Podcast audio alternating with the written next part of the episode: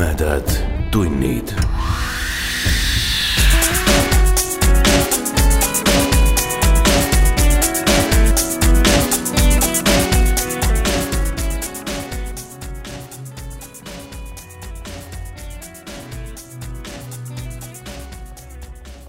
tere, hea ulmesõber. tere tulemast kuulama jutuvestmis podcasti Tumedad tunnid üheteistkümnendat osa, meie jõuluosa vähemalt praegusel hetkel, kui mina seda sissejuhatust oma arvuti taga sisse loen, siis aknast vaadates tundub, et tulevad mustad ja sünged jõulud. täpselt nagu meie taskuhäälinki. hoolimata ilmast ja sellest, kas lumi tuleb või lund ei tule, tahame me teid kõiki tänada nende kingituste ja õnnitluste eest, mis meieni on jõudnud. ühtlasi anname teile teada, et sünnipäevakingitusi ja jõulukingitusi ja jaanipäevakingitusi ja ka igasuguseid muid kingitusi võtame tegelikult vastu aastaringselt. ja kuidas neid kingitusi meieni toimetada, selleks leiate instruktsioonid endiselt meie kodulehelt rubriigist Toeta meid. aga ühe toreda üllatuse tegi meile detsembri alguses ka ajakiri Digi. nimelt saatsin ma Digile lugejakirja, kus ma tänasin neid ühe poolteist aastat tagasi ajakirjas avaldatud arvustuse eest. seal arvustati podcasti rakendusi. sealt hakkasin ma neid rakendusi proovima, hakkasin podcast'e kuulama ja riburada pidi viiski see lõpuks tumedate tundideni. igatahes tundub, et Digile mu kiri meeldis, nad avaldasid selle ja vastasid kaunis kiitvate sõnadega, lubades meid ka oma kuulamissoovituste nimekirja pista. ei tea nüüd, kas sellepärast aga igal juhul olen täheldanud, et detsembrikuus on meie kuulamiste arv hüppeliselt kasvanud. nii et täname ajakirja Digi ja tervitame kõiki meie uusi kuulajaid. aga nüüd tänase osa juurde. otsustasin luua sellise väikese traditsiooni, vähemalt kaheaastase, aga miks mitte ka kauem, eks see paistab juba aasta pärast igal juhul ka täna, nii nagu eelmistelgi jõuludel, tegutseb meie loos maailmakuulus Poola eksortsist Pan Krpovski. seekord ei lahenda ta aga järjekordset kummalist juhtumit mitte koduses Poolas, vaid kaugel põhjas, Teravmägedel.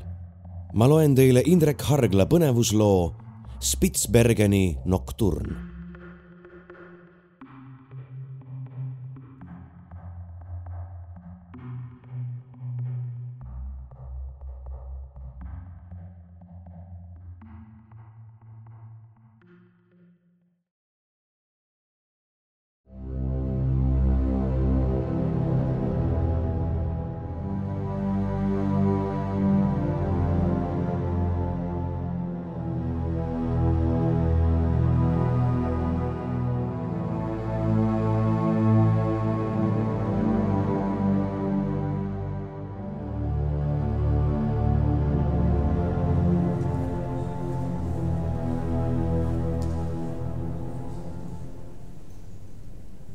Longyearbyeni lennuväli.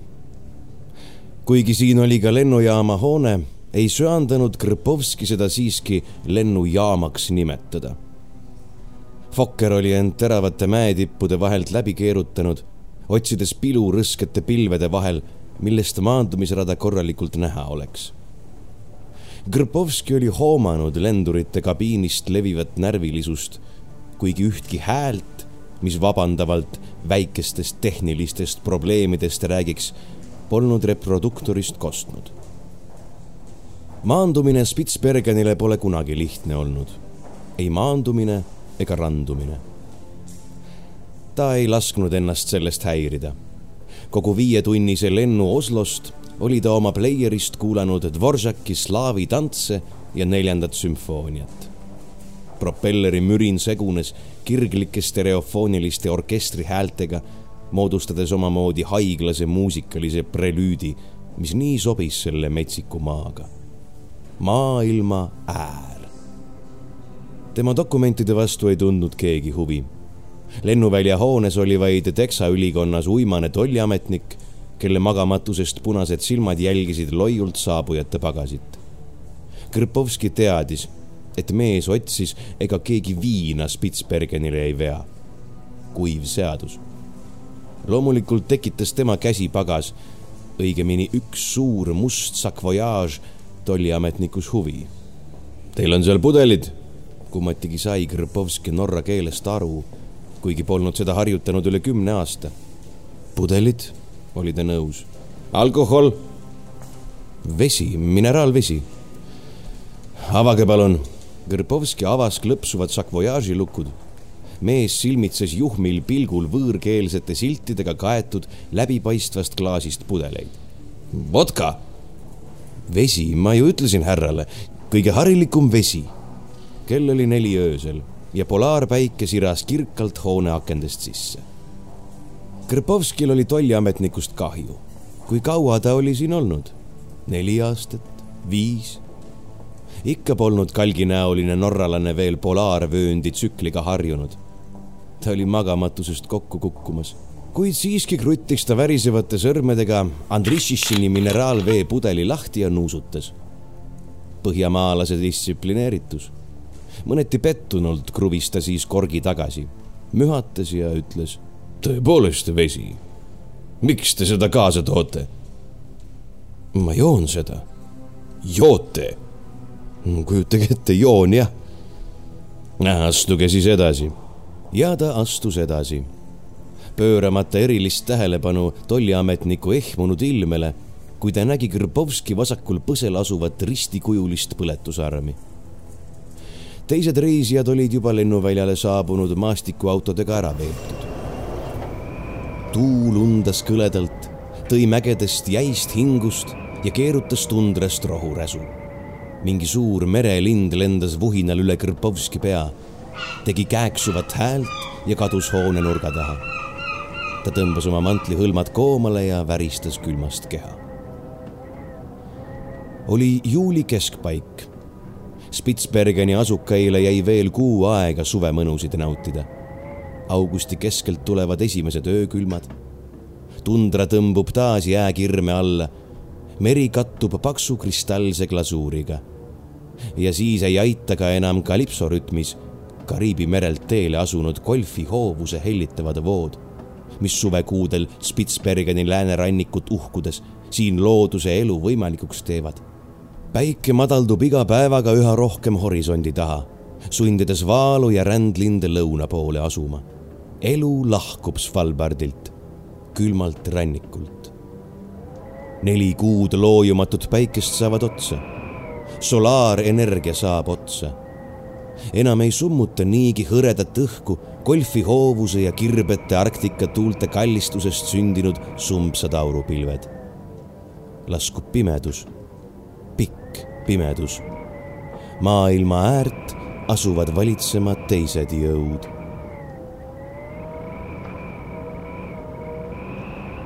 mees oli talle vastu tulnud.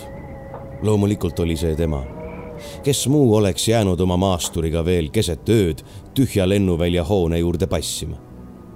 ta võis olla oma kaks meetrit pikk. tal oli punane vihmakeep ja punane habe. mees kaldus kergelt tüsedusele ja lonkas vasakut jalga. kui ta lähemale astus, nägi Grbovski, et mehel oli samuti magamatusest pundunud nägu, suured avalad silmad ja loppis krobelised põsed vastutulija hoidis pead veidralt püstakalt kaldu ja iga sammu juures käis ta näost üle valulahvatus. Mister Grbovski, mina olen Atle Engelbrektsen. tema ise, vastas kutsutu norra keeles. oo, te räägite Norrat, ma ei teadnudki. see on tore. katsun meelde tuletada. aga võime ka saksa või inglise keeles rääkida. ma pole Norrat kaua harjutanud räägite suurepäraselt. aga palun, lähme auto juurde. Teie kohver, palun. on teil veel pagasit? on, aga see on vist juba saabunud. ja kaks üsna kummalist kuju astusid aeglaselt läbi tühja platsi, millelt jahenev rõskus ja lähenev hommik oli kõik reisijad juba lahkuma sundinud kahemeetrine hiiglane kandis loomuliku kergusega oma kaaslase suuri pampe temast pea pool meetrit lühema poolaka kõrval paistis Engelbrektsen tõesti võikalt suur. Pan Grbovski katsus aga vastuvõtja kannul püsida ning pidi selleks suurt vaeva nägema. ta kandis tuhmhalli ülikonda ja selle alt välkusid valged sokid, kui ta usinalt norralase kannul sebis. Kui nad magava Longyearbyeni asfaldihõngustelt, kuid siiski enamasti kruusastelt tänavatelt läbi sõitsid, pani Krpovski tähele, et iga raputus tõi hiiglakasvu norralase näole järjekordse valugrimassi. ta oli tõmmanud maastikuautole peale presentkatuse. ikkagi oli külm. meil tuleb sõita kaks tundi, ütles Atle Engelbrektsen. ma võin teile tee peal rääkida või soovite magada? Öö on ju ikkagi. kuskil on alati öö. ja ma ei tulnud siia magama. noh olen teile muidugi väga tänulik, et tulla saite. tõtt-öelda ma eriti ei uskunudki, et keegi mind aidata saab. olin mitmeid kirju kirjutanud ja juba lootust kaotamas. siis soovitas keegi teid ja ma otsustasin riskida. kas mind soovitas Torvald? tema, kas tunnete teda? me oleme kohtunud, kostis Krpovski kuivalt. ta on surnud hukkunud. Engelbrechtsen ei öelnud pikka aega midagi. ta klammerdus oma suurte kämmaldega maasturi rooli külge ja katsus raputavaid kohti teel vältida. oli ta ka üks teie hulgast? küsis ta lõpuks vaikselt. Nii vaikselt, et läbi auto mürina oli hiiglase bassi häält vaevu kuulda. oli üks parimaid aga ta teadis, millele ta läheb. ta suri unes, magades. võrdlemisi kerge surm. aga te ju ütlesite, et ta hukkus. hukkuski. ta tapeti. ei jõudnud kehasse tagasi, unesränd. Valu ta ei tundnud. taas sõideti vaikides. kas te olete katoliiklane? alustas norralane ma olen eksortsist. no ma mõtlesin, et kui te olete poolakas, siis peaksite usutunnistuse järgi katoliiklane olema. kunagi olin. meie amet sisaldab aga teadmisi, mida ükski religioon ei taha omaks võtta.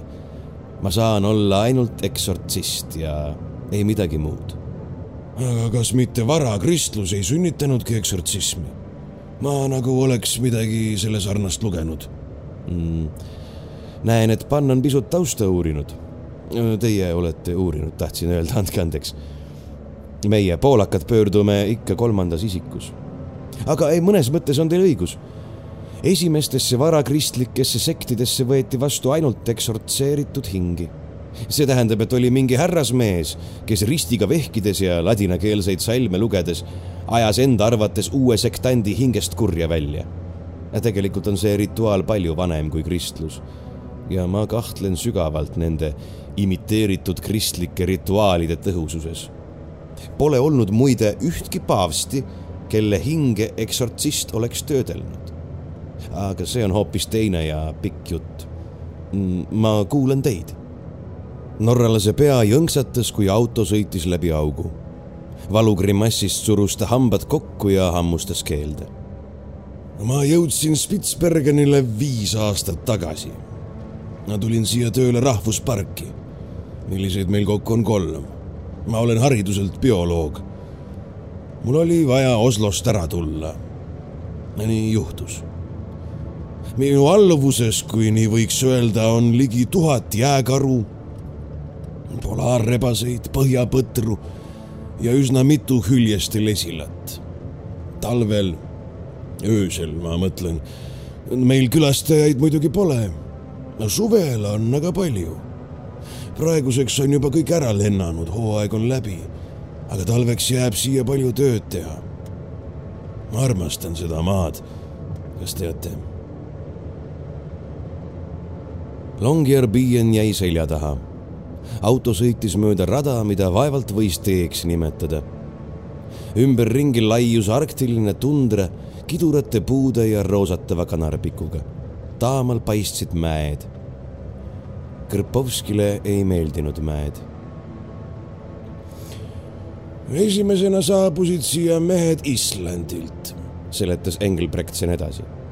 umbes kaheteistkümnenda sajandi lõpul. Nad nimetasid see maa mm, külmaks rannikuks, Svalbardiks, ega jäänud siia pidama. nüüd ma tean, et enne neid on siin keegi veel olnud. aga edasi polnud siin sajandeid kedagi. hiljem tuli Barents, aasta oli vist tuhat viissada üheksakümmend kuus nimetas arhipelaagi teravmägedeks ja, ja tõi siia Hollandi vaalakütid. ja, jah, hollandlased, kust need ka poleks olnud, mühatas Krpovski. pool maakera oli nende kaubandusimpeeriumit täis. aga mida nad sellest kasu on saanud? isegi ühte ainsamat, kõige lihtsamat nõidust ei osanud nad Bataaviast kaasa tuua. nüüd uuri neid vanu Polüneesia keeli. Engelbrechtsen vaatas imestunult poolakat nõidust. no ma ei tea. siia asutasid nad vaalaküttide linnaku. Neid oli siin ligi tuhatkond hinge, kuni vaalad otsa said. aga siis üheksateistkümnenda sajandi algul leiti siit sütt ja tekkisid kaevandused. praeguseks ongi enamus inimesi siin söekaevandusega tegelemas. kaevandused kuuluvad kas meile või venelastele kokku elab meid saartel umbes kolm tuhat inimest ja neist väga väike vähemus tegeleb loodushoiuga. Miks ma siia tulin? küsis Krpovski haigutades. norralane keeras auto kõrvalteele. mäed olid nüüd juba väga lähedal. kuidas seda nüüd öeldagi? ma arvan, et ma olen kurjast vaimust vaevatud ja Krpovski noogutas mõistvalt.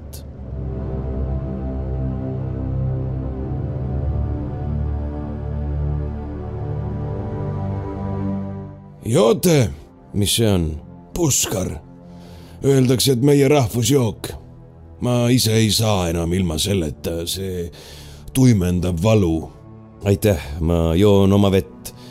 see on sellelt allikalt, mille lähedal ma sündisin Teid see ei aitaks, aga mulle annab see vesi jõudu ja värskust ning isegi meelteteravust. Nad istusid rahvuspargi kompleksi elamu osas, Engelbrektseni väikeses korteris. Elektrikamin soojendas tuba laskuva külma eest ja see oli ainus elektritarvik, mille peremees sisse lülitas. lampide asemel süütas ta küünlad. elektrivalgus ainult suurendab valu viimased kolm kuud olen ma elanud piinas. see istub mu ajus nagu oleks keegi sinna naela löönud. tuikab, lõikab, kõrvetab, iga liigutus teeb valu. ma, ma karjun öösiti. kuu valgus leevendab pisut, aga ainult pisut.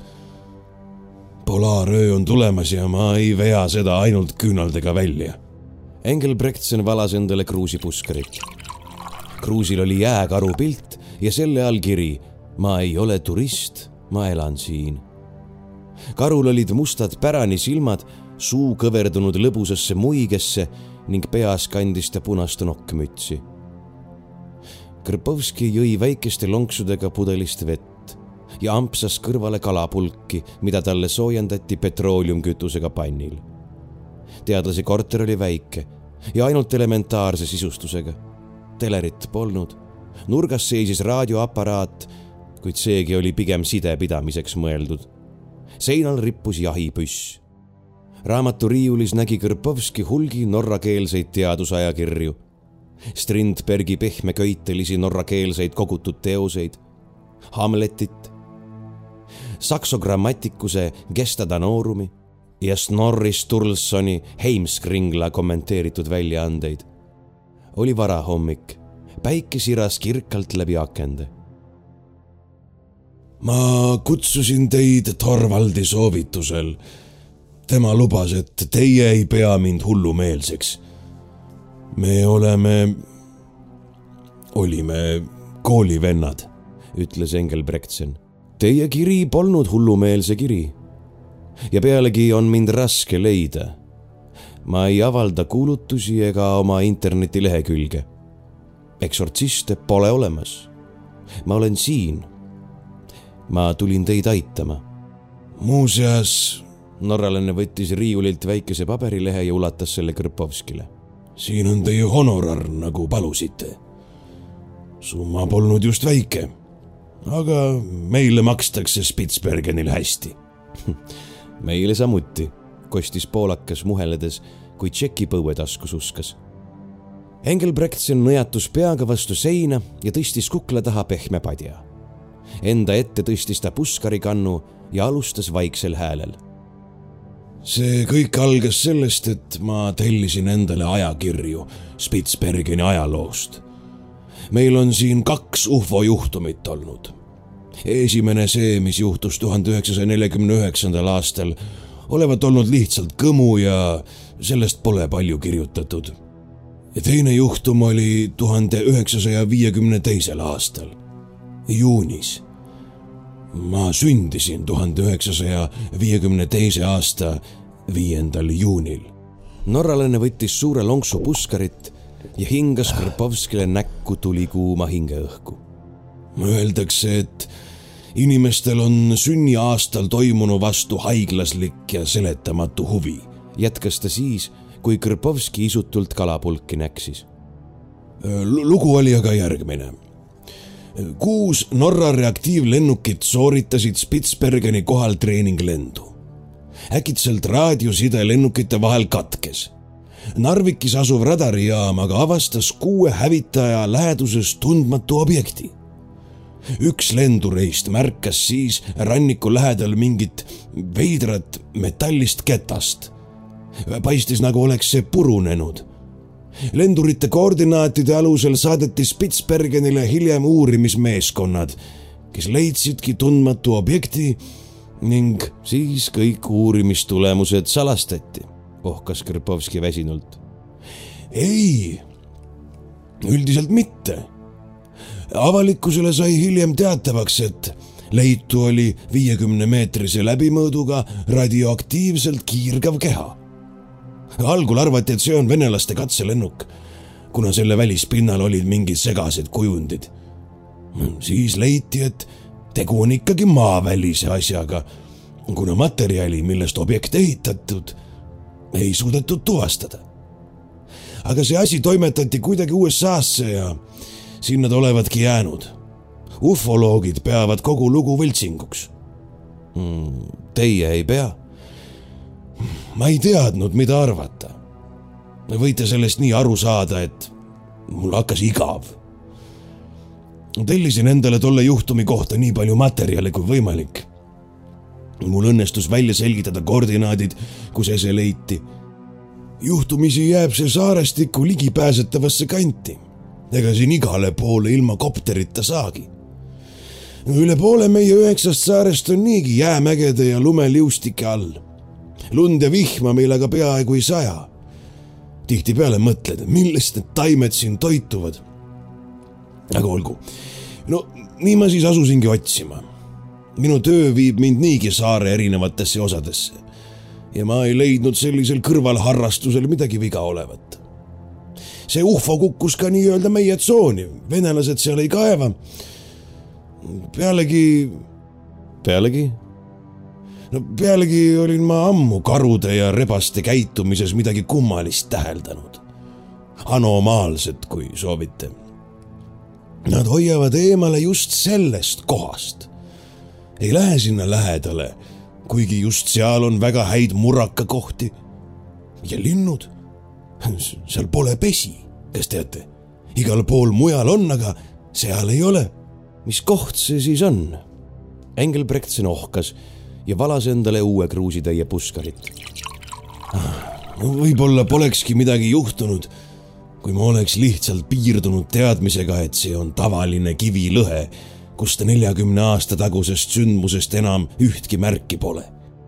no umbes niimoodi seal kõik välja nägi harilik kivirägastik tundramaastikul. loomulikult polnud mul meetri täpsusega koordinaate. suutsin piiritleda umbes ruutkilomeetrise ala. põhja poolt algab mäestik, itta jääb meri, lõuna pool väga kõle tasandik. meil ei kasva ju puid. mõne kuu jooksul ei jõua ju puud kasvada, võite leida ainult imepisikesi kääbuskaski sellest pole võimalik kiiresti aru saada, kui väga sa puude järele igatsed. esimestel kuudel seda ei tunnegi. siis hakkab midagi häirima, närima. ilmselt tuleb igatsus puude järele selle meeletu äralõigatuse tundega, mida siin koged. aga äralõigatust ma ju tahtsingi, kui siia tulin. kas te siis leidsite midagi? mida mul oli leida? tusk, tüdimus ja vajadus millegi uue järele ajas mind Spitsbergenile ning ilmselt ka ufo kukkumiskohta otsima. ma vist ütlesin, et seal on kivid, palju kive. tasandiku poole on kivid väiksemad, siis mägedele lähemale hakkavad nad rahnudeks muutuma, kuni lõpuks algabki mäestik kuna kõrgemad tipud mattuvad uttu, siis sa lihtsalt eksled kivilt kivile, kuni lõpuks põrkud otsekui vastu seina. Umbes nii minuga juhtuski. seisin aheliku ees ja tundsin ennast võrdlemisi tobedalt. ma siiski otsustasin läbipääsu otsida, sest tahtsin leida lähimat pesapiirkonda. see anomaalia oli mind juba liialt häirima hakanud ma leidsin läbipääsu. see pole päris tee, pigem looduslik rada, mille vahelt inimene läbi pääseb. Kogu see piirkond jääb meie rahvuspargi äärealale ja seda pole palju uuritud. kaevandusi seal samuti läheduses pole. meie keskusest jääb see suvel nelja tunni tee kaugusele. Krpovskile meenus, et vanasti, enne tehnikaajastut, arvutati vahemaid samuti läbitava aja järgi mitte pikkusühikutes. no ma pääsesin pisut kõrgemale, rääkis Engelbrechtsen edasi. Ronisin mööda teravaid kaljurünke. siis tuli käik. käik? no ma nimetan seda niimoodi. tegelikult võiks see olla pigem koobas. piisavalt suur, et inimene sinna sisse mahuks. kui ta just klaustrofoobiat ei põe. mina ei põe. ei põdenud uus kruusitäis hundijala vett voolas norralase kurku ja Krpovski oli kindel, et mees ei jää kunagi purju. alkohol oli talle tõesti vaid mingi valu leevendamiseks. Krpovski võttis taas lonksu mineraalvett ja kuulas edasi. ma tulin tagasi ja võtsin kaasa laskumisvarustust nii palju, kui seda keskuses leida oli. ma ei teadnud, mida lootsin leida ma roomasin umbes viiskümmend meetrit. oli kitsas ja niiske, aga ma ei kartnud. lõhnas huvitavalt. ma ei erista hästi lõhnu, võib-olla joomise pärast. aga mulle tundus, et see oli väävel või midagi niisugust. Te ei kujuta ette, kui veidralt võib maa all lõhnata. toksisin endale kaasa erinevaid kivimeid mõtlesin, et niimoodi allmaa arheoloogid vist tavaliselt teevad. Ja siis põrkasin vastu seina. olin sügaval maa all ja koobas lõppes. sain aru oma ürituse mõttetusest ja tahtsin hakata tagasi roomama, kuid miski hoidis mind kinni. midagi tundus olevat arusaamatu, kuidagi veider ja sobimatu siis taipasin, sein, millega koobas lõppes, oli liiga sile. kõik ümberringi oli krobeline ja terav, aga sein oli sile, nagu ta poleks päris loomulikku päritolu. olin põnevil, kuid vist ka üksjagu ehmunud. otsustasin ka seinast mõned proovid kaasa võtta korraks käis peast läbi mõte, et sealgi võiks olla ufo, mis siis seletamatul kombel maa alla sattunud. mõte oli loomulikult jabur, kuid innustas mind edasi tegutsema. Engelbrechtsen vaikis hetkeks. oli näha, et edasi on tal raske rääkida. Krpovski kuulas teda poekvil silmadega ning loputas mineraalveega hammaste vahel kalapulkade saiapuru. ma valgustasin seina. tundus, et see polegi päris kivim, hoopis midagi pehmemat. toksisin seda geoloogi haamriga ja seina tekkisid praod. tekkisid üpris kergesti. ma vajutasin siis kogu jõuga seina peale. samal hetkel, samal hetkel kostis karjatus. ma vajusin läbi seina või müüri ja taipasin, et karjuja olin ma ise olnud. Võin vanduda, et ma suud ei avanud. vanduda pole vaja, manitses Krpovski tasa. tundus, nagu oleks karjatus kostnud minu seest, minu teadvusest. avastasin ennast nüüd madalast, ümarate ja tõepoolest kivist seintega koopast või kambrist see paistis olevat igal juhul loodusliku tekkega ja see oli tühi. Tõenäoliselt olin varisenud läbi liivakivi või savi, savi ja basaldi segu. igal juhul edasi polnud siit enam kuhugi minna.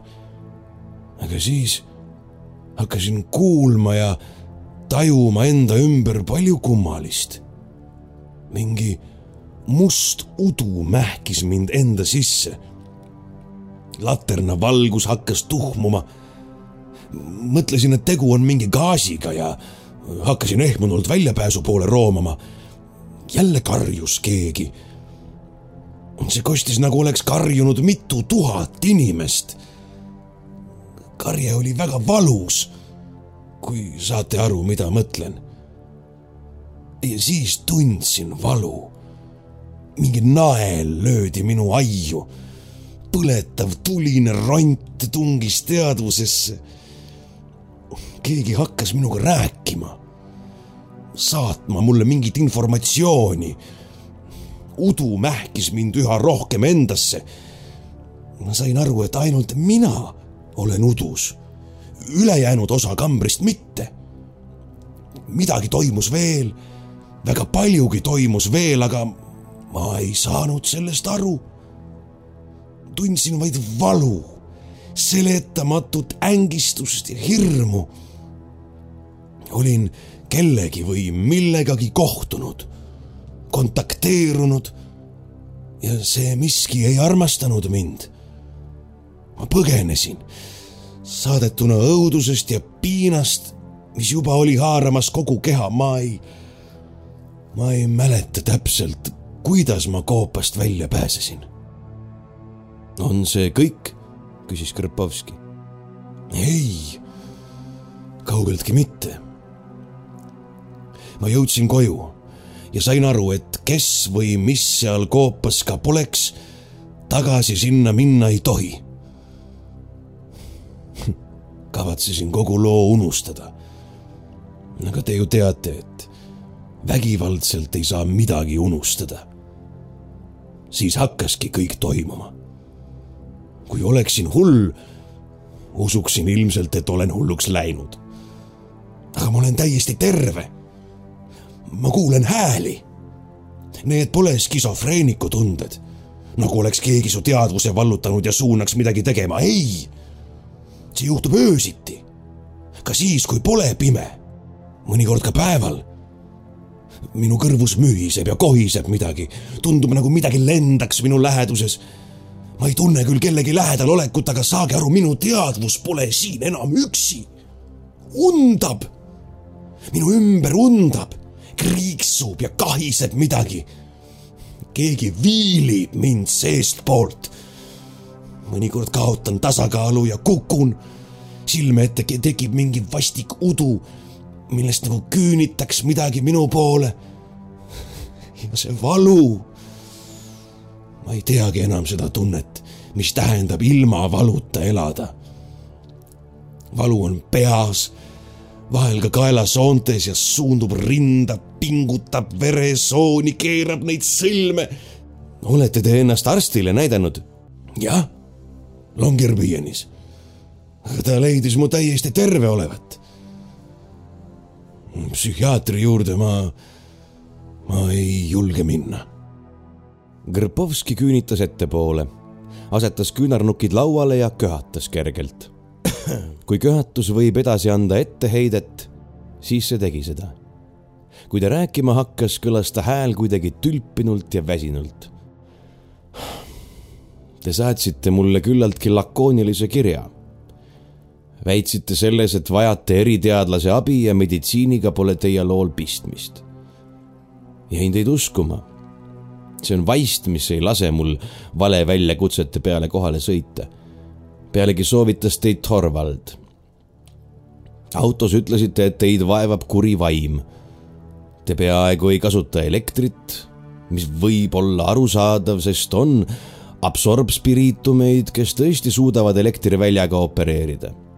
Te ei julge psühhiaatri poole pöörduda, kuigi iga inimene teie asemel teeks seda. loete Strindbergi Te ei sõida siit saarelt minema, kuigi enamus teie asemel talitaks just niimoodi. Te olete riputanud ukse kohale kuivanud küüslauku, mis on muidugi lollus, kuid ilmselt midagi targemat teile pähe ei tulnud. Teil on valud ja kuulete hääli. nüüd öelge mulle, noormees, mida te olete veel näinud ja tundnud? rääkige mulle kõik ära ja palun ärge puhuge mulle enam puskari haisu näkku, kui tahate, et teiega tegeleks kaine eksortsist. Engelbrektsen vaatas Krpovskile tummalt ja tunnustavalt otsa. ta jõi järjekordse lonksu puskarit ja püüdis seda enda kohale välja hingata. selle juures kukkus padi ta kukla tagant ja mees lõi pea vastu seina ta peaaegu karjatas ja kummardus patja üles võtma, kuid väikesekasvuline poolakas oli temast kiirem tõstis padja, heitis selle toanurka ja ütles. käituge nagu mees. padjad ja alkohol teid ei aita, kui teil on tõesti kuri vaim kallal. Engelbrektsen tõstis käe ja osutas toanurka, kus seisis voodi. seal ma magan. lasen ruloo alla ja kujutan ette, et on pime. varsti ma enam ei pea seda ette kujutama, sest lähebki pimedaks. ma olen, ma olen hakanud pimedust kartma sellest ajast peale, kui ta esimest korda tuli. kes tuli? Anna-Moona, minu naine. ma ei teadnud, et te olete abielus. ma olen lesk. ma tapsin oma naise. ma tapsin Anna-Moona. ja nüüd hakkas kahemeetrine punase habemega viiking nutma. tol ööl oli päris pime aknakatted olid all, kuid oli palju pilvi. siin on imelikud pilved, neist ei saja kunagi vihma. Öeldakse, et meil on polaarkõrb. ma magasin ja nägin unes mingit õudust, ma ei mäleta täpselt. ärkasin ja nägin Anna Moonat. ta oli täpselt nagu päris, täpselt nagu elus. Anna Moona ma ei tahtnud teda tappa, ma vannun, et ei. ma juba ütlesin teile, ärge vanduge. toas oli nüüd täiesti valge ja akende taga ulus tuul. Engelbrektseni sõnad voolasid sellise meeleheite vooga, milline ei lase nende siiruses kahelda. ta oli olnud üle kümne aasta abielus ja seal ei paistnud midagi viga olevat. siis oli ta maganud ühe täiesti suvalise ja võõra tüdrukuga, kes talle ühel joomasel olemisel ette juhtus kuidagi oli Anna-Moona loost teada saanud. Nad tülitsesid, kuidas muidu. Atle ei mäletanud, mida ta täpselt oli öelnud. ilmselt üritas ennast kaitsta, vabandada, kinnitada, et Nad elasid Oslo kesklinnas, seitsmendal korrusel, aken oli lahti. Anna-Moona karjus, et ta hüppab aknast alla, ta ei taha enam elada, sest mees on võtnud talt kõik, mille nimel elada. Atle ei saanud kunagi teada, kas naine mõtles seda tõsiselt või mitte aga naabrid olid seda karjet kuulnud. ja kohtus osutus just see naise surmasoov kõige olulisemaks. ta ise ütles, et hüppab, väitsid tunnistajad. ta kinnitas, et hüppab, et tahab surra. Anna-Moona sööstis akna juurde. Atle lähenes talle, sirutas käe välja, proovis midagi öelda. võib-olla oli ta käe liiga kiiresti ja äkitselt välja sirutanud võib-olla ta isegi puudutas Anna Moonat. võib-olla liiga tugevalt. ta ei mäletanud enam. naine oli tahapoole, akna poole nihkunud. Norras on madalad aknalauad. muidugi oli kohus. Atle oli seda talunud ükskõikselt, nii palju kui ta mäletas. mis tähtsust võis olla kohtuotsusel, enda jaoks jääb ta alatiseks mõrtsukaks. Ta võis olla naist tõuganud, võis olla ka mitte. see polnud oluline. Atle Engelbrektsen oli tapnud oma naise, keda ta armastas. oli tapnud Anna-Moona Engelbrektseni sündinud tuhande üheksasaja kuuekümne kolmandal aastal Narvikis. sada kuuskümmend seitse sentimeetrit pikk, pruunid silmad kõrgharidusega. Ta ei tulnud Oslost ära mitte tuttavate pärast, kellele ta ei suutnud enam silma vaadata ja kes niigi ei tahtnud enam temaga suhelda. ta ei saanud enam olla selles korteris, selles linnas, sellel maal. ta põgenes maailma äärele, alustas uut elu veetis ürglooduse lõputute päevade ja ööde seltsis terveid kuid ja aastaid. elas üksinda, elas ja töötas, elas ja mäletas Anna Moonat. Tundis meeletut hingevalu, kuni, kuni oli hakanud tundma ka talumatut füüsilist valu, mis järgnes talle sellest võikast koopast saadik. keeras veresooni sõlme, vasardas, nõelas, torkis ja siis tuli Anna-Moona tagasi. ühel ööl ta ilmus. kas ta kandis sedasama riietust, mida siis, kui hukkus, oli Krpovski küsinud. Ei, vastas Atle. see oligi kõige veidram. ta kandis bikiine. nii nagu kunagi Jamaikal, kus nad olid ühel rannapeol tutvunud. aga keha, nii palju kui see oli keha, oli purustatud nagu ka nägu. Atle mäletas selgelt kergelt õhulist ja eeterlikku veritsevat keha, milles naine oli ilmunud. vasak näopool oli kukkumisest lõhki, põseluud paistsid, hambad olid põrutusest aiu tunginud. ta oli selgelt näinud sedasama keha, mida ta nii ammu oli rannaliival suudelnud. ta tundis, teadis seda keha, aga naine naine oli seal ja ei olnud ka. Engelbrektsen vaikis. mida ta teile rääkis? päris Krpovski tungivalt. ta ütles, et ootab mind. Tal ei ole seal hea, kus ta on. nii ta saatis mulle. häält ma ei kuulnud. seal on paha ja valus ja ma pean ka sinna minema. siis ta kadus aga see oli Anna-Moona. uskuge mind, sellest, kui ma ta tapsin, on ju nii palju aega möödas. kui see oleks ainult mingi süütunde ja alkoholi ajel tekkinud nägemus, oleks see pidanud ilmuma palju varem. ma ei ole hullumeelne. mis sel ööl teistmoodi oli? oli see kuidagi eriline? ma ei tea. oli väga kuum päev olnud turiste aga ei olnud. ma vist jõin kogu päeva. õhtul proovisin endaga pisut malet mängida, aga valu segas. ei suutnud isegi oma lemmikavangut, Prantsuse kaitse Aljohini varianti meelde tuletada. elekter, oli teil midagi sisse lülitatud? vist mitte, ma kasutan elektrit nii vähe kui võimalik. Krpovski tõusis ja astus akna juurde kõrvaltvaatajale võis jääda mulje, et ta kissitab ereda päikesevalguse eest silmi. tegelikult eksortsist mõtles. katsus kilde tervikuks liita, katsus aru saada, mis on toimumas. Iga juhtum tema praktikas oli eriline olnud. eksortsistidel pole tegutsemisjuhendeid ega pretsedendiraamatut jõud, millega nad võitlevad, ei avaldu range süsteemi alusel ei lase end kvalifitseerida ega lahterdada. kõige tähtsam on uskuda, et nendega on võimalik toime tulla. et neid saab sundida või keelitama tagasi asuma sfääridesse, mis ei pea olema inimesele avatud. Iga ilmumine ja seestumine on toimunud mingi tasakaaluhäire faktori toimel. kuskil on alati mingi võti, mingi detail, mis laseb selle faktori avastada ja teispoolsuse toime noh, kui mitte hävitada, siis vähemasti tagasi tõrjuda. Te olete Anna-Moonat ammu oodanud, kas pole? olete aastaid kartnud, et ühel ööl ta ilmub. Engelbrektsen noogutas. Ja loete Hamletit, et oma müsteeriumi eesmärgis selgusele saada. Hamletil polnud veresüüd. Atle. Hamlet otsis endale süüd, et eelolevat tragöödiat enda jaoks kuidagi õigustada. tema piin oli tegevusetuses. aga samuti nagu teiegi, kahtlustas ta ennast hullumeelsuses. norralane ei vastanud. mida te minult õigupoolest tahate? Küsis siis Krpovski. kuidas, palun? mida te tahate, et ma teeksin? ma, ma tahan valust lahti saada.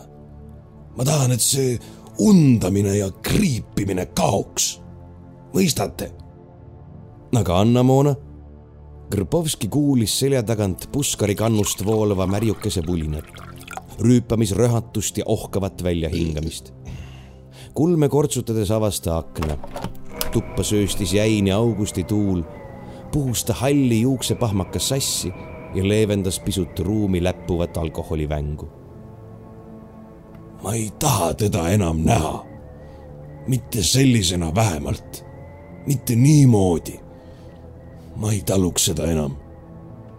just nimelt, te ei taluks seda enam välja. no mida te siis teeksite?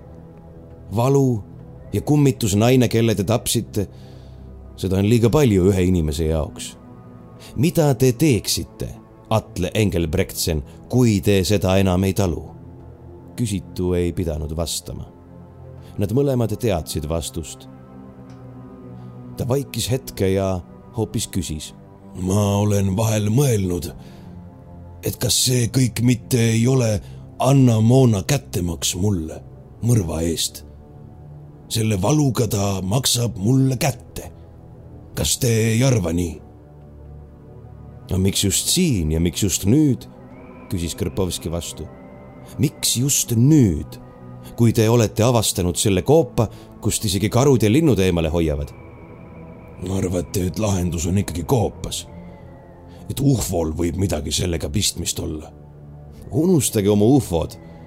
see on kahekümnenda sajandi mütoloogia aga vaimud on ju ka mütoloogia, küsis Engelbrechtsen ettevaatlikult, otsekui olles mitte päris kindel, kas söandab tunnustatud autoriteediga viimase töö alal vaidlema hakata.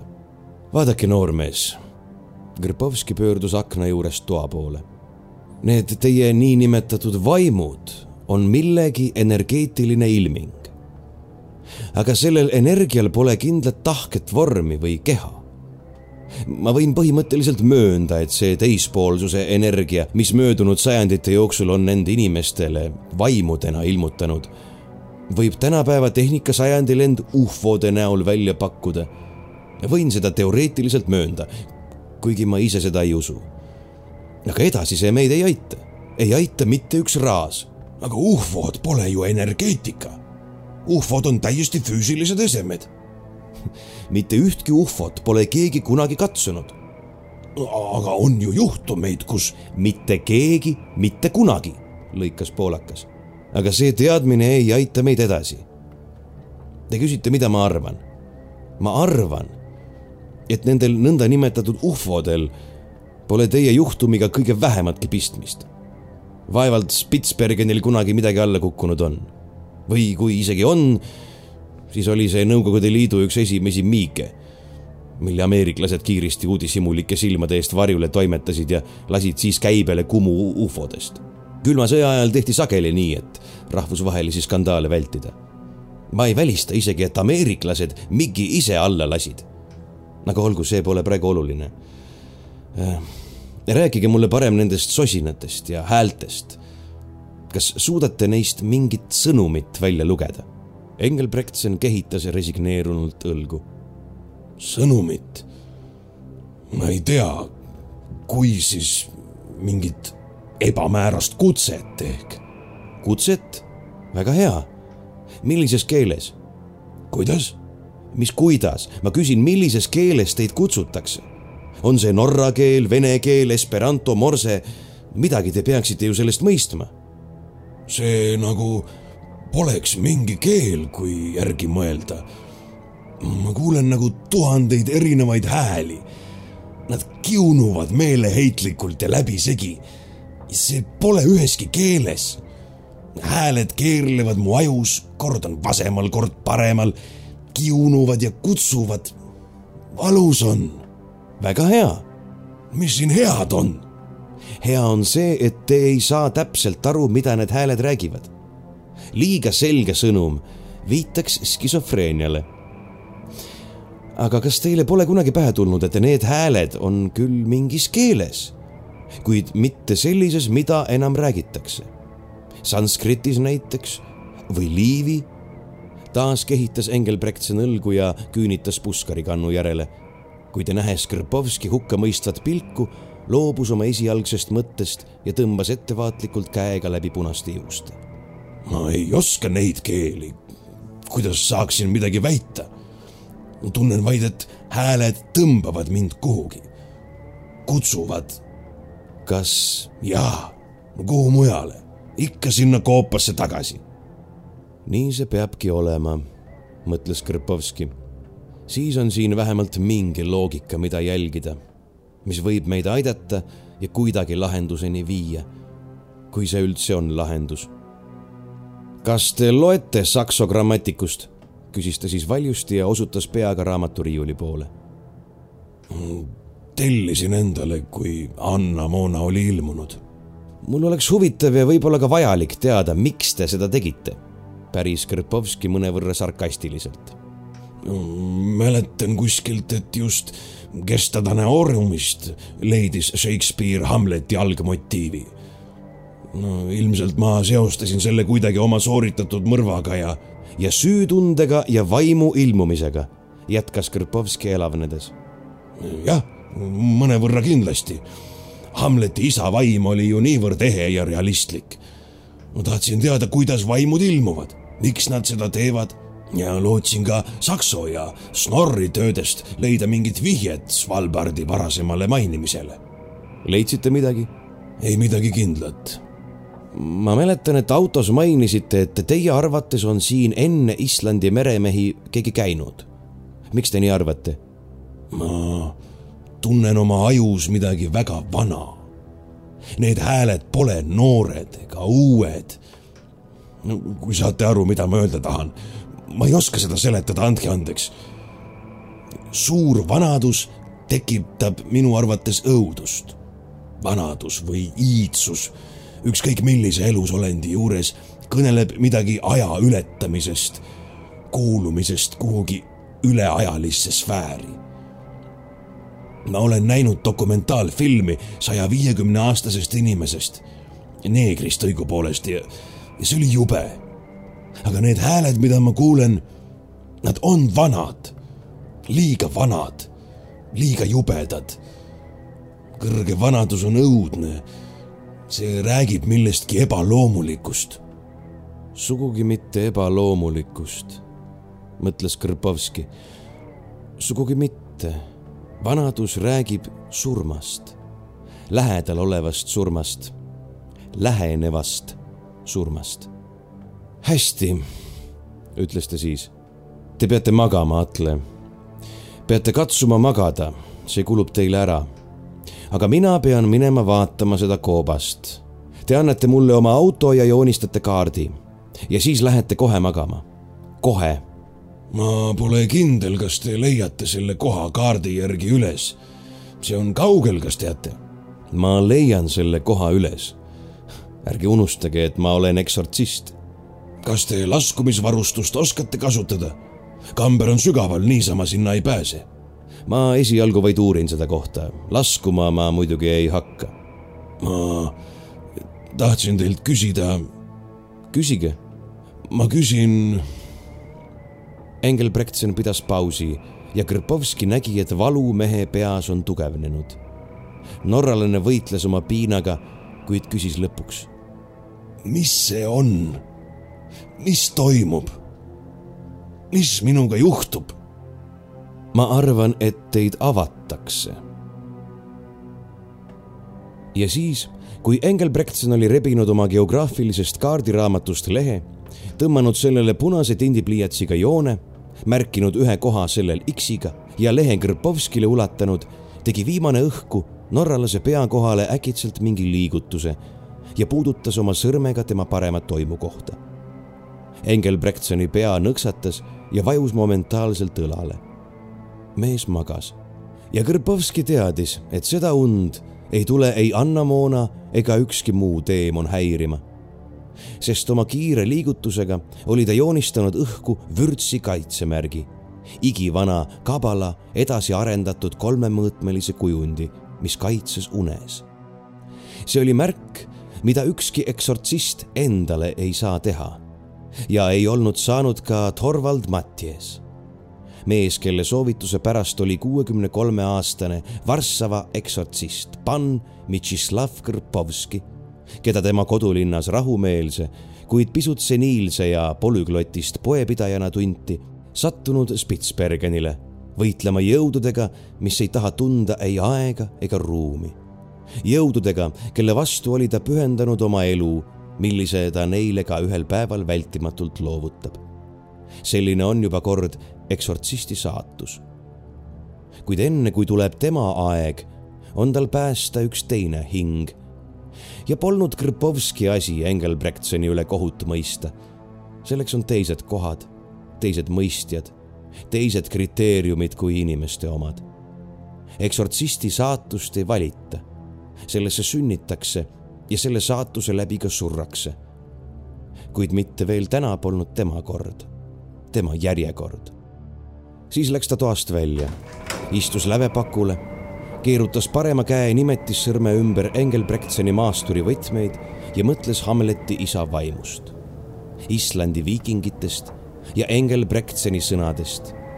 aga need hääled, mida ma kuulen, nad on vanad, liiga vanad, liiga jubedad ta õngitses oma odava ülikonna põuetaskust suupilli nuuskas nina ning hakkas mängima. kaua istus ta ukse lävel ning imes suupillist välja kurblikku viisi. see polnud mingi rituaal ega pühendumine. see oli vajadus enda poolt esile kutsutud elava muusika järele. vajadus kanda oma tajud keskendumisele.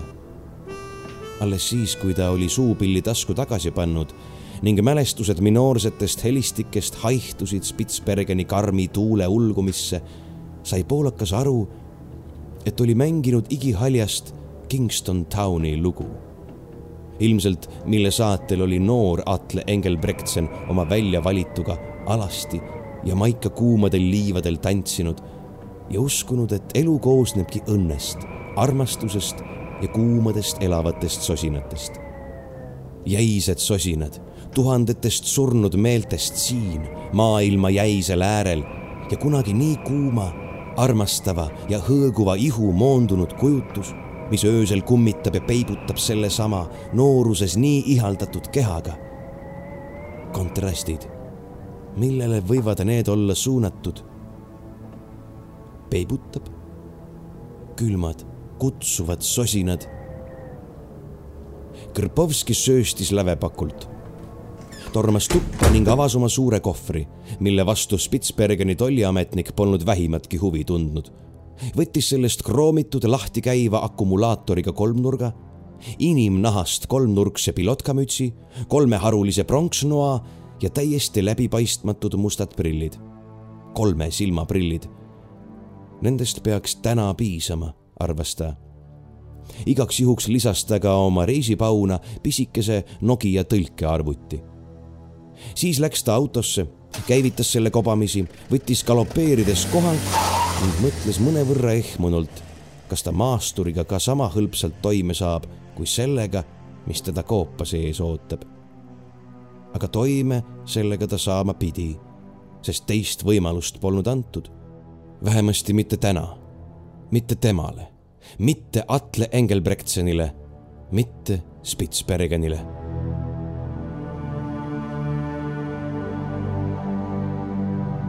tagasi jõudis ta alles öö hakul, kui päike siras eredamalt kui päeval ja linnud olid vaikinud.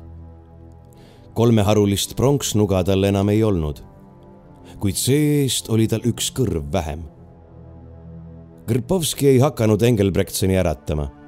kiiresti leidis ta esmaabikarbi ja ravis ennast nii palju, kui oskas.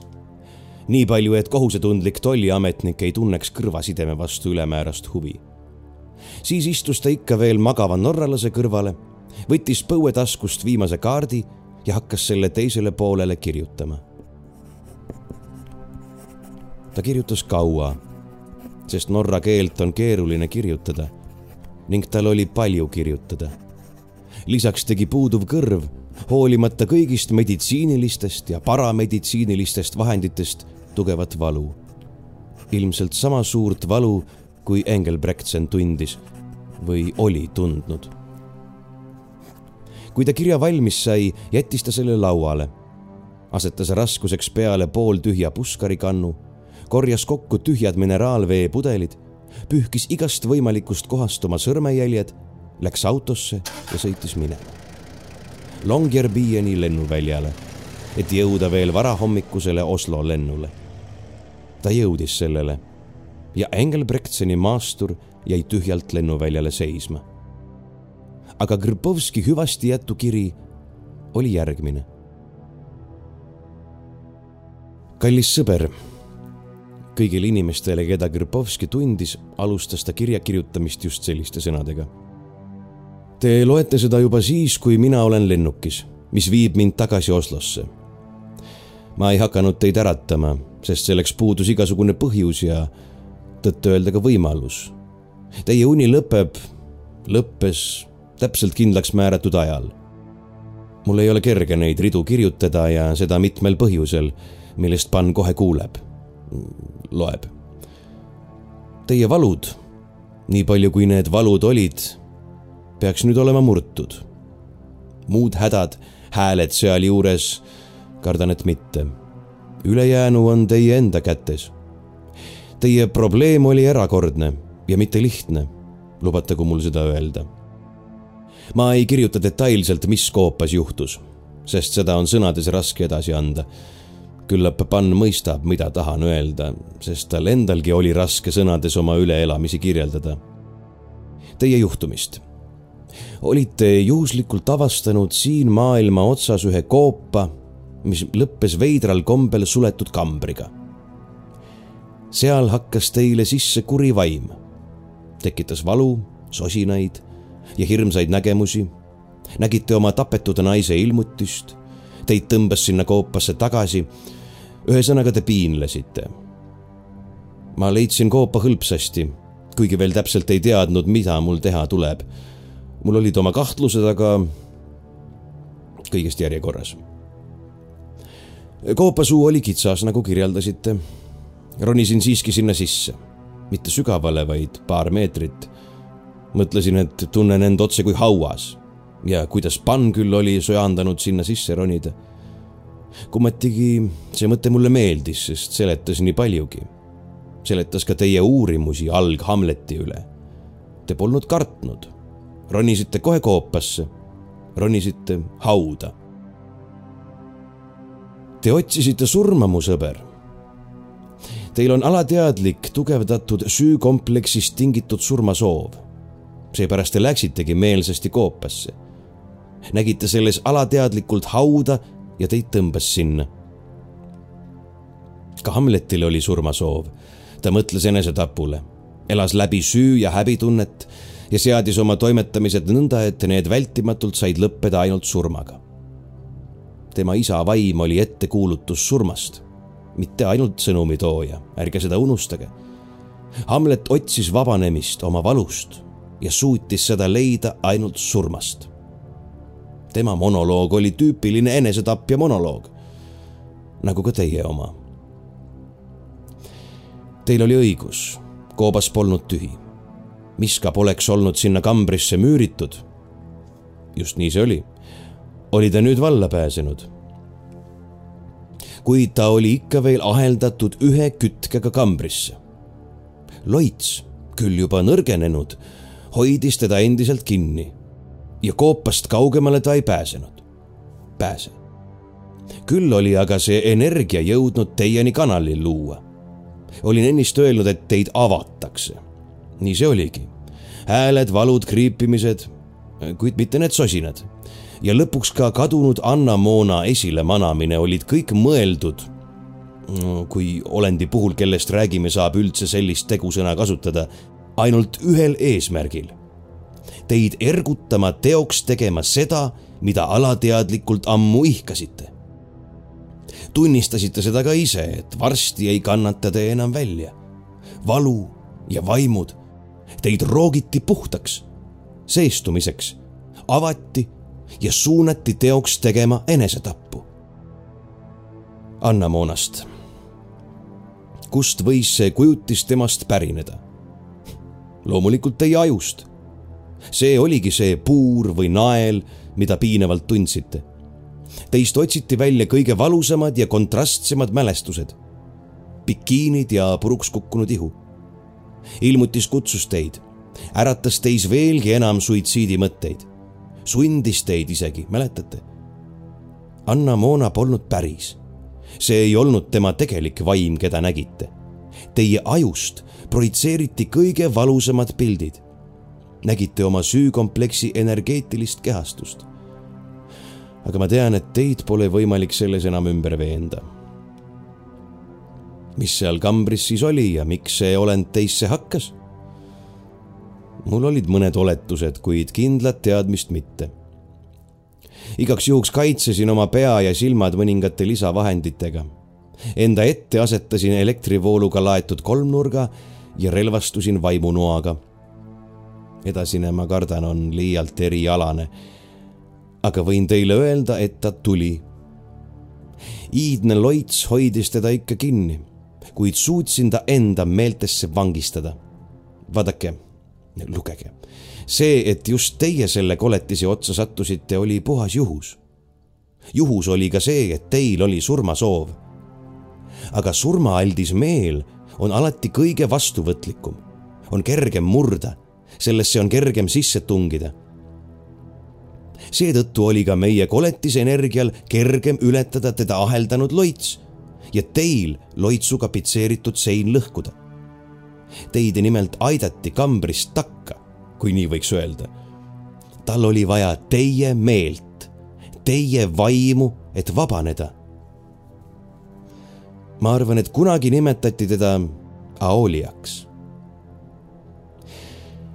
aga eksortsistid, mu sõber, on pisut erinevad teistest inimestest meil on surmasoov tahtlikult ja teadlikult välja arendatud meie vaim on alati valla, et teispoolsuse kurjust endasse aheldada ja ta seal tappa.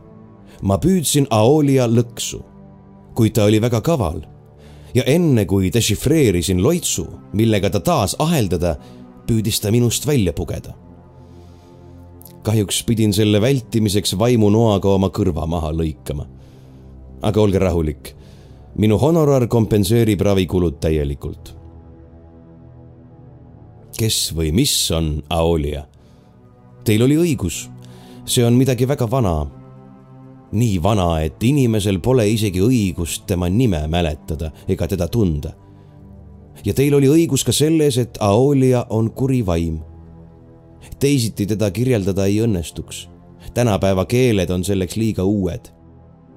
Aolia soovis, et te ennast tapaksite, ohverdaksite end temale et ta saaks asuda ohverdusest vabanenud meelejõudu ja ennast vabastada. mida ta oleks siis teinud? midagi kurja oleks siis maailmas juures olnud.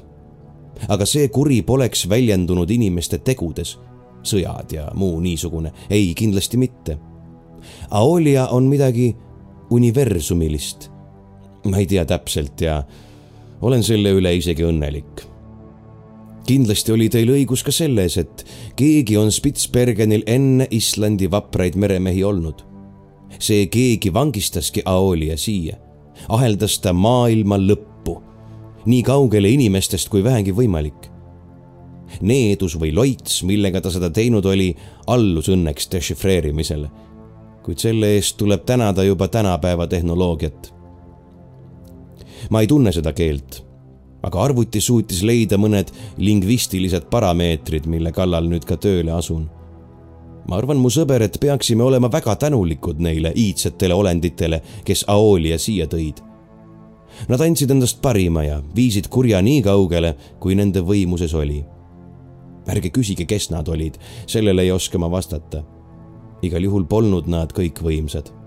muidu oleks Aoolia maalt üldse minema aetud, hävitatud või maetud vähemalt Antarktikasse.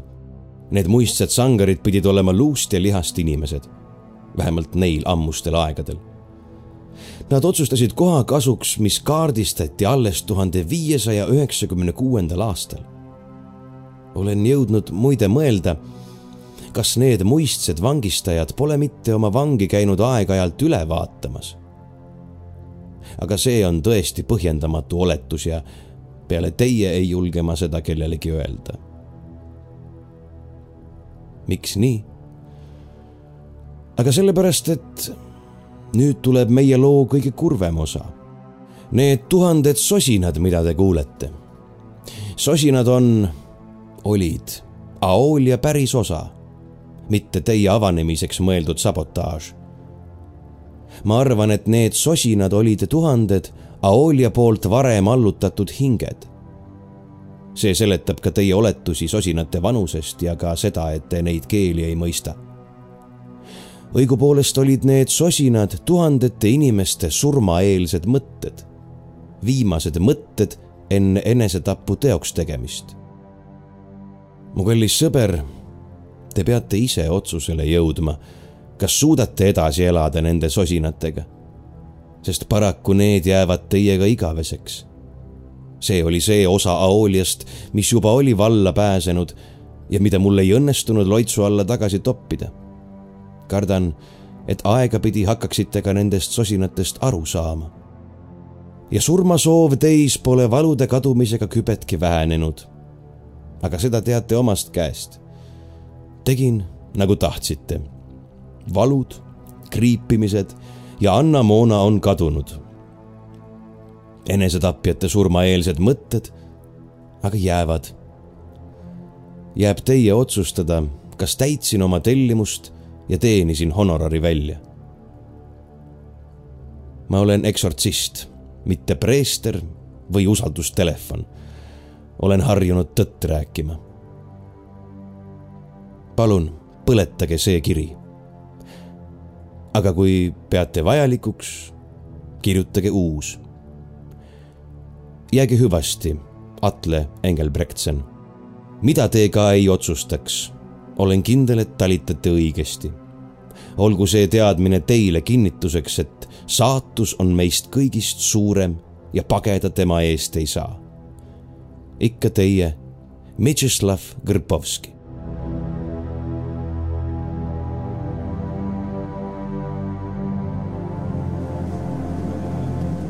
Kui lennuk heljus üle Põhjamere tühjade avaruste uskus Krpovski ennast kuulvat Engelbrektseni jahipüssi kärgatust. ta kujutas endale üsna elavalt ette, kuidas norralane oli ärgates juhmi pilguga tühjusse vaadanud, märganud siis laual kirja ja selle läbi lugenud. eksortsist oli kindel, et norralane oli kirja põletanud, valanud puskari kannu aknast välja tühjaks, pesnud nõud, läinud esikusse, võtnud seinalt jahipüssi ja endale laengu suhu lasknud tegelikult oli mees sellise otsuse teinud juba ammu ja siia ei saanud Krpovski midagi parata. ka Hamlet teadis algusest peale, millega tema mäng lõpeb. Aoolia ei eksi. Engelbrektseni meeled pidid olema surmale juba liiga valla. Krpovski ei kuulanud enam tagasilennul kuularitest Dvoržakit. ei saanud kuulata.